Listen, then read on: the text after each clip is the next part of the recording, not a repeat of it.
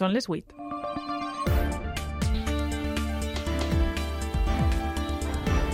Les notícies de la nit amb Sara Garcia i José Soler.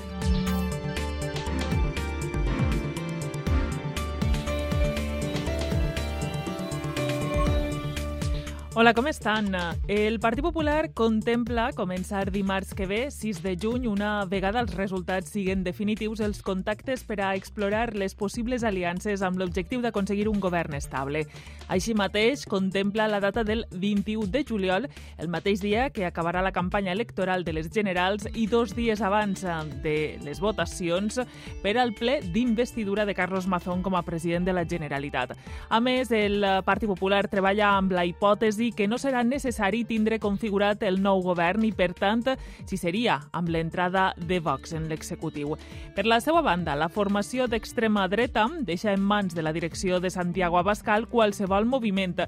A l'altra banda, de cara als comicis del 23 de juliol, Compromís ha començat a negociar amb Sumar la configuració de les llistes.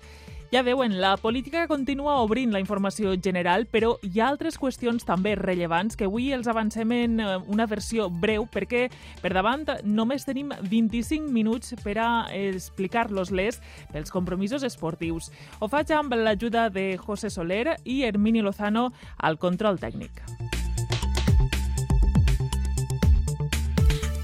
Futur incert a Vilafranca, als ports i a l'Alt Maestrat davant el tancament de la centenària Marie Moltes famílies es quedaran sense faena, un colp per a molts habitants d'este xicotet poble que veu desaparèixer el gegant tèxtil que els va col·locar en el mapa. L'anunci ha sigut un colp molt dur. Això, això és un massatge molt gros, perquè no és que se'n vagi de Villafranca a Piques, que se'n va a Villafranca a la comarca.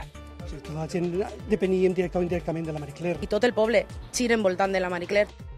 L'empresa encara espera un miracle. Tenen 20 dies per a trobar un inversor, pegar-li la volta a la situació. Han fet un comunicat dient que busquen inversió. I es eh, prorroguen fins el 16 de juny les cremes agrícoles. La Conselleria d'Agricultura ha acceptat la petició que feia ahir la Unió Llauradora i Ramadera d'ampliar el termini de cremes agrícoles. Així explicava ahir el secretari general de la Unió, Carles Pérez, la importància del retard en la prohibició.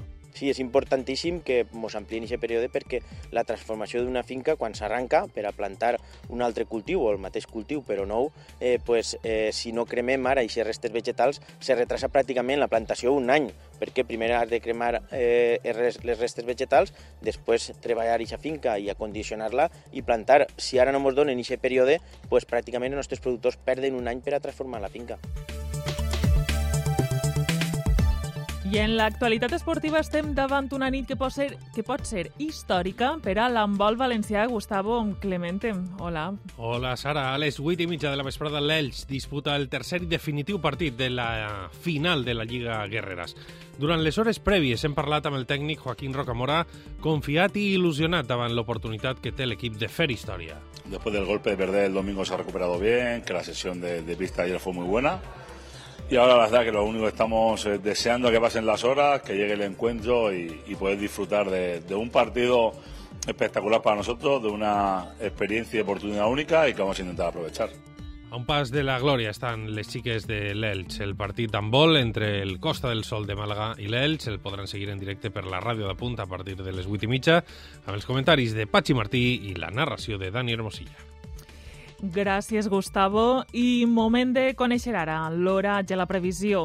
Lluís Obiols, avui han pujat les temperatures i han tornat les tronades, però han sigut menys extenses que ahir. En quines comarques s'ha replegat més aigua? Bona vesprada. Bona vesprada. Doncs bàsicament de nou en zones interiors, plou ara dèbilment en punts de la plana Utiel-Requena i aporten 22 litres per metre quadrat, per exemple, a la Torre, a Utiel, se n'han arreplegat 20 a Vilafranca, 20 a Sinarques i novament en zones de l'Alcoià, també punts de l'Alcalatent, eh, de l'Alacantí, perdó, amb 14 graus a, a 14 litres per metre quadrat a Castalla i 12 a Xixona. En un dia marcat per les altes temperatures fins a 31 graus a Sumacàrcer, 30 a Oriola o 30 a Xàtiva. Eh, D'altra banda, demà comença juny i serà, bueno, és un mes eh, meteorològicament parlant que es considera ja d'estiu, però començarà amb tempestes i un nou descens de la temperatura.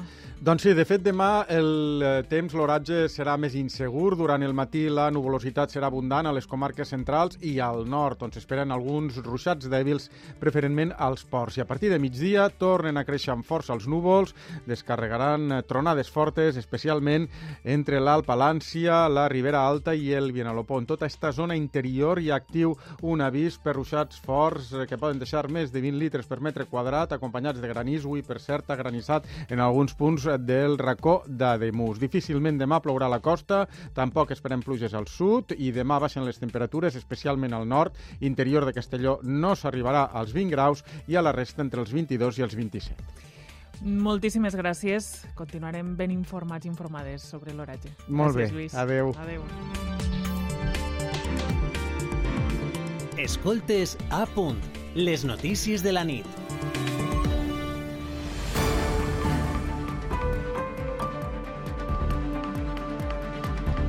Les 8 i 6. Comencem el relat informatiu. Carlos Mazón serà president de la Generalitat abans que se celebren les eleccions generals. El Partit Popular obrirà negociacions amb la resta de grups dimarts que ve i el seu objectiu és que l'acord amb Vox, el soci més probable, no contamini la campanya que pretén portar Núñez Feijó a la Moncloa.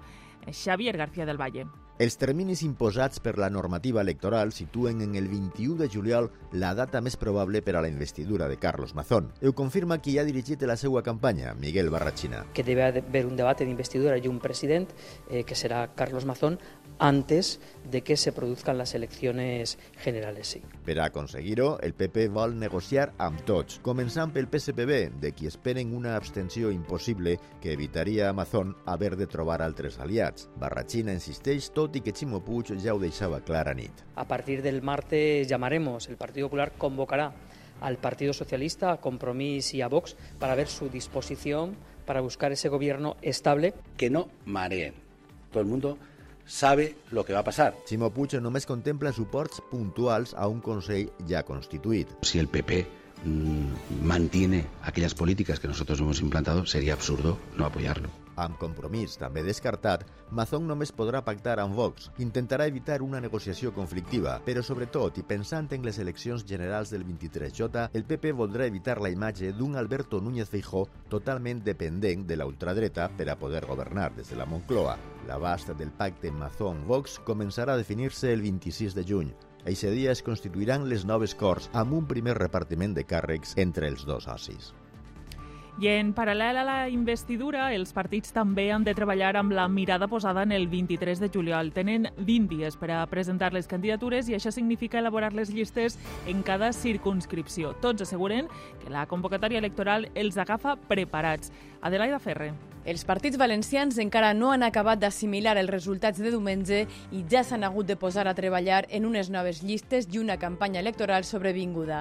El PP els coincidirà amb les negociacions per a formar un nou Consell de la Generalitat i tot apunta que seran Esteban González Pons per València i Alberto Fabra per Castelló els que encapçalaran les llistes. El president provincial del PP a Alacantí, Toni Pérez, diu que estan preparats. Ens agarren la maquinària perfectament preparada i en unes llistes que seran les millors llistes. Som un partit de govern, vocació de govern, i estem preparats per a governar l'endemà. El PSPB fa una crida a concentrar el vot de l'esquerra i aposta per la ministra Diana Morant com a cap de llista per València. I Compromís, que ha iniciat avui les negociacions amb la plataforma Sumar de Yolanda Díaz, celebrarà primàries express. Insisteixen que han de ser ells els qui tinguen l'última paraula. Ho explica la coportaveu de Compromís, Àgueda Mico. Encetem una negociació amb Sumar per a poder col·laborar amb ells i amb elles, però sempre tenint en compte que el lideratge, l'autonomia, la capacitat de tirar endavant el projecte així al País Valencià és de compromís. Per al primer lloc ja s'ha postulat el regidor de València, Pere Fuset, i sona també el nom de Vicent Marçà. En Vox tot apunta que Ignacio Gil Lázaro repetirà com a cap de llista per València, però la decisió la prendran des de Madrid. Els partits tenen fins al 19 de juny per a presentar llistes i candidatures i 10 dies abans s'hauran hagut de registrar les coalicions. I de càstig immerescut ha qualificat el president del govern, Pedro Sánchez, del passat resultat electoral. Ho ha fet avui al Congrés davant dels diputats i senadors socialistes. Amb un to més dur de l'habitual ha comparat el PP i Vox amb els expresidents brasiler i nord-americà Bolsonaro i Trump i ha augurat una campanya bruta per part de la dreta. Ho ha dit entre els aplaudiments dels seus i ha fet una crida a plantar batalla el pròxim 23 de juliol. No son muy explícitos a, a la hora de explicar lo que significa derogar el sanchismo, pero creo que todos podemos entender que derogar para el Partido Popular y para Vox significa destruir todo lo construido, desmantelar todo lo conquistado. El Partido Socialista debe parar esta corriente reaccionaria. I el president del Partit Popular, Alberto Núñez Feijó, ha criticat la data de la convocatòria d'eleccions generals fixada per al pròxim dia 23 de juliol, en plena època estival. Ho ha fet durant la seva intervenció com a convidat al Cercle d'Economia de Barcelona. Unes manifestacions que han generat sorpresa, ja que quan era president de la Junta, Feijó va convocar les eleccions gallegues del 2020 un 12 de juliol, en plena pandèmia. Convocar elecciones en las fechas más calurosas de nuestro país y en el mayor éxodo vacacional en nuestro país es un hecho sin precedentes en casi medio siglo de democracia española. Se busca la menor participación y que los ciudadanos no puedan asistir a votar, no lo sé. I la vicepresidenta segona del govern en funcions, Yolanda Díaz, i líder de Sumar, ha assenyalat que assumeix el repte en aquestes eleccions i ho ha fet sense concretar si hi ha negociacions amb Podem. Sé que hay muchos demócratas y muchas personas progresistas hoy que están desanimadas y que están preocupadas en nuestro país. Les mando un mensaje claro, de esperanza y de confianza. Asumo el reto. I els parlem ara de Gestalgar, als Serrans, un dels pocs municipis que a hores d'ara no sap encara quin és el partit que ha guanyat les eleccions. Tant el Partit Popular com el PSPB han empatat a 200 a 207 vots. La clau podria estar en les al·legacions que s'han presentat, però també en l'arribada del vot per correu d'una veïna que es troba d'Erasmus. Pel que fa a les al·legacions, la presidenta de la mesa va anul·lar dos vots, un perquè tenia una part trencada per baix de la papereta i un altre perquè estava ratllat. La Junta Electoral es pronunciarà divendres sobre aquestes al·legacions, però en cas que no prosperen o que el vot per correu no resolga l'empat, la normativa preveu que es decidisca l'alcaldia per una moneda a l'aire. Les notícies de la nit amb Sara Garcia i José Soler.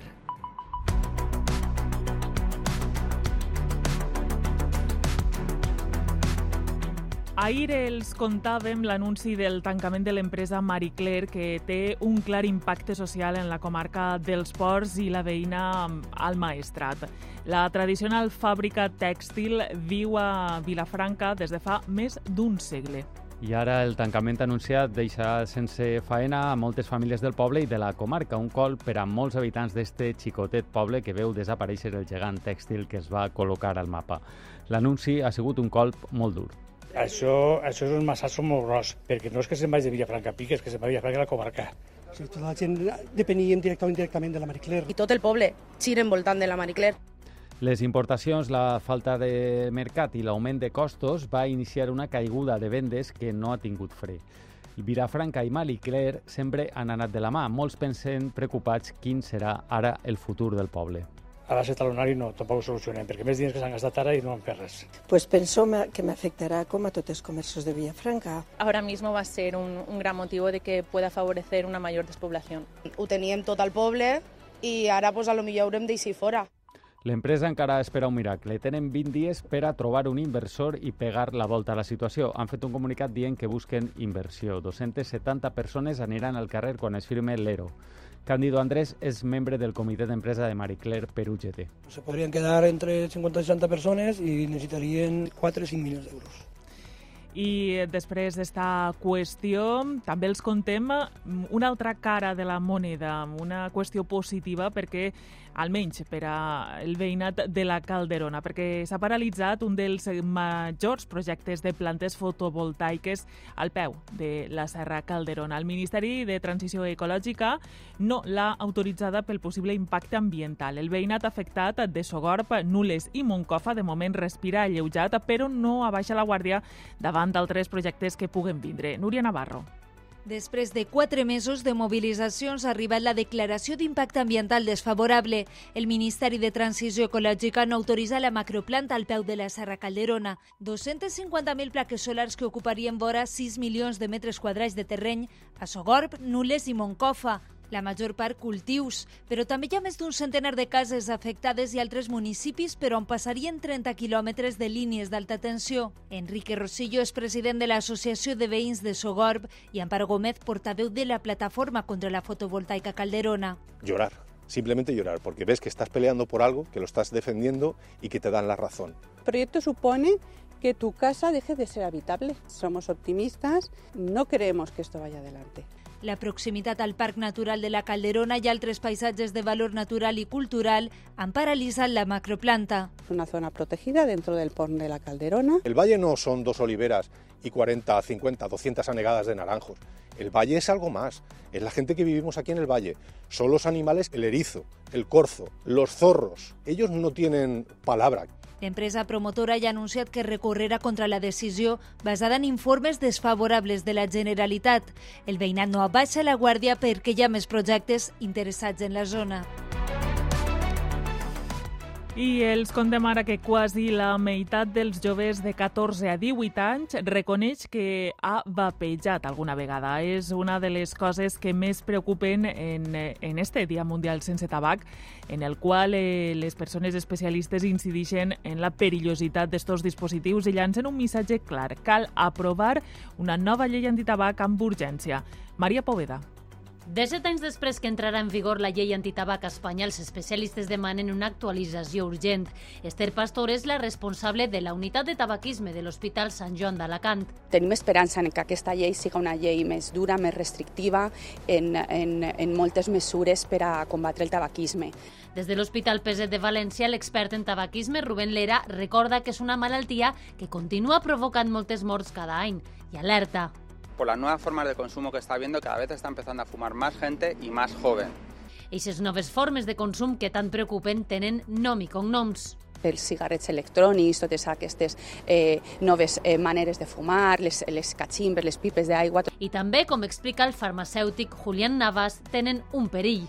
Normalment és propilenglicol, glicerol o glicerina vegetal i això quan passa als pulmons poden causar infecció, per exemple, pneumonia. Preocupa i molt que els vapejadors arriben cada vegada a gent més jove, fins i tot a xiquets i xiquetes. Des de les botigues especialitzades, com la de Carlos Xérez, asseguren que no en venen a menors. En una tienda de vapeo, como toca, no se vende a menores de edad. Otra cosa es que hayan menores de edad que accedan a dispositivos electrónicos en mercados no controlados.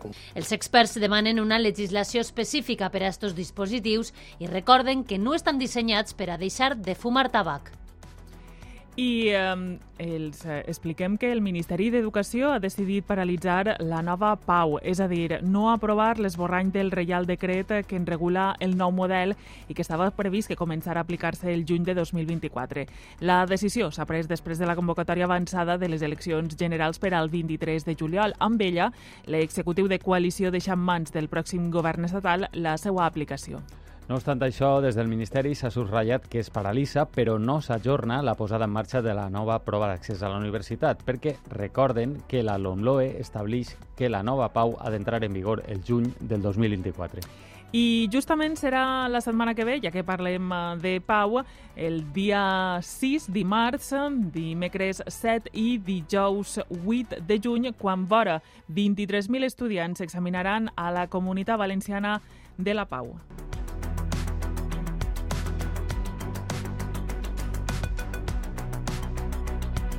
Escoltes a punt, les notícies de la nit.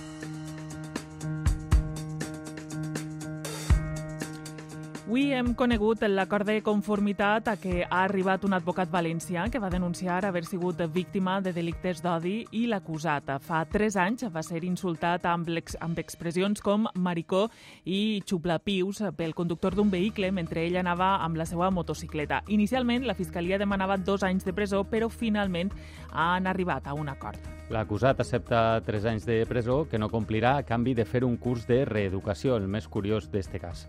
A més, haurà de pagar una multa de 270 euros, queda inhabilitat per exercir en el sector de l'educació durant dos anys i indemnitzarà la víctima amb 900 euros pels danys morals ocasionats. Isaac Guijarro, víctima del delicte d'odi homòfob i advocat. Creo que son dos mensajes importantes, el de los agresores, que esto está empezando a dejar de ser impune, que se está condenando, y por otro lado a las víctimas que denuncien, porque cuantos y cuantas más denunciemos, más casos habrá, eh, más condenas habrá, y la gente empezará a entender que esto no es normal y que no se puede hacer. I el nombre de dones víctimes de la violència de gènere augmenta a tot Espanya per vuitè any consecutiu, a excepció del 2020 per la pandèmia. Ho diuen les dades de l'Institut Nacional d'Estadística. En un any s'ha registrat un augment de més del 8% de les víctimes. La valenciana és la segona activitat amb major nombre de dones la, la segona comunitat amb major nombre de dones víctimes de violència de gènere, per darrere d'Andalusia i en tercer lloc Madrid. A més, la comunitat valenciana és la segona per darrere d'Andalusia amb més víctimes inscrites per violència de gènere que tenen algun tipus de protecció o mesures cautelars. Són 5.007 dones i suposen quasi un 22% més que fa 10 anys. També el nostre territori és el segon en nombre de denúncies, més de 5.000 l'últim any. Perquè es denuncia més en un territori que... Per què es denuncia més en un territori que en un altre? Hi ha casos on l'augment es deu al fet que es denuncia més. La fiscal de violència de gènere, Susana Gisbert, respon a aquestes preguntes. Hem de valorar sempre que estem en un, en un tipus de delicte on encara hi ha un percentatge molt alt d'infradenúncia.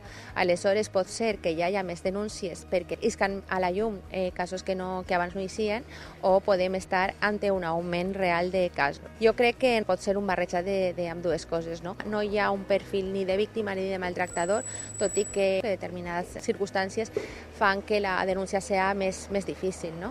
Però, en totes les societats, en totes eh, les escales socials, hi ha víctimes i hi ha maltratadors, per desgràcia. Les notícies de la nit. La Conselleria d'Agricultura ha acceptat la petició que feia ahir la Unió Llauradora i ampliar d'ampliar el termini de cremes agrícoles. En principi, demà era l'últim dia per a poder fer-les, però les últimes pluges caigudes a la comunitat valenciana havien retardat els treballs de transformació de terres per a molts llauradors. I una de les faenes bàsiques d'aquesta transformació és la crema de restes vegetals. Si esta no es fa, es retarda pràcticament un any la possibilitat de plantar, amb tot el que això implica perquè primer cal cremar, després treballar la terra i condicionar-la i finalment plantar. A aquesta qüestió cal afegir que les pluges han reduït el risc d'incendi, raons que han portat la Conselleria a permetre que es facin cremes agrícoles fins al 16 de juny. A punt. Les notícies de la nit. De l'exterior, l'OTAN reforça el desplegament a Kosovo després dels atacs violents de la minoria sèrbia als cascos blaus que supervisen el fràgil procés de pau. Els Balcans no acaben de curar-se les ferides que s'obriren en les guerres de l'ex-Jugoslàvia de fa 30 anys. Rafa Salom. Els càntics i desfilades en la bandera sàrbia han substituït de moment les accions violentes dels últims dies al nord de Kosovo que causaren més de 80 ferits entre civils i soldats de l'OTAN. En esta regió són majoria els serbis. A l'abril abril boicotejaren les eleccions i ara no accepten la legitimitat d'uns alcaldes elegits en apenes un 3% dels vots i que són tots d'ètnia albanesa, la majoritària a la resta del país. Avui els soldats de l'OTAN han reforçat les concertines que hi ha als voltants dels ajuntaments conflictius. 700 soldats més de l'Aliança Atlàntica reforçaran els 4.000 que ja hi ha sobre el terreny. Els nord-americans, tot i ser els principals aliats del govern de Kosovo, els han demanat que retiren els alcaldes polèmics. És necessària la creació d'una associació de municipis amb majoria sàrbia, com es va aprovar l'any passat, ha dit l'ambaixador nord-americà a Sàrbia. Les notícies de la nit, amb Sara Garcia i José Soler.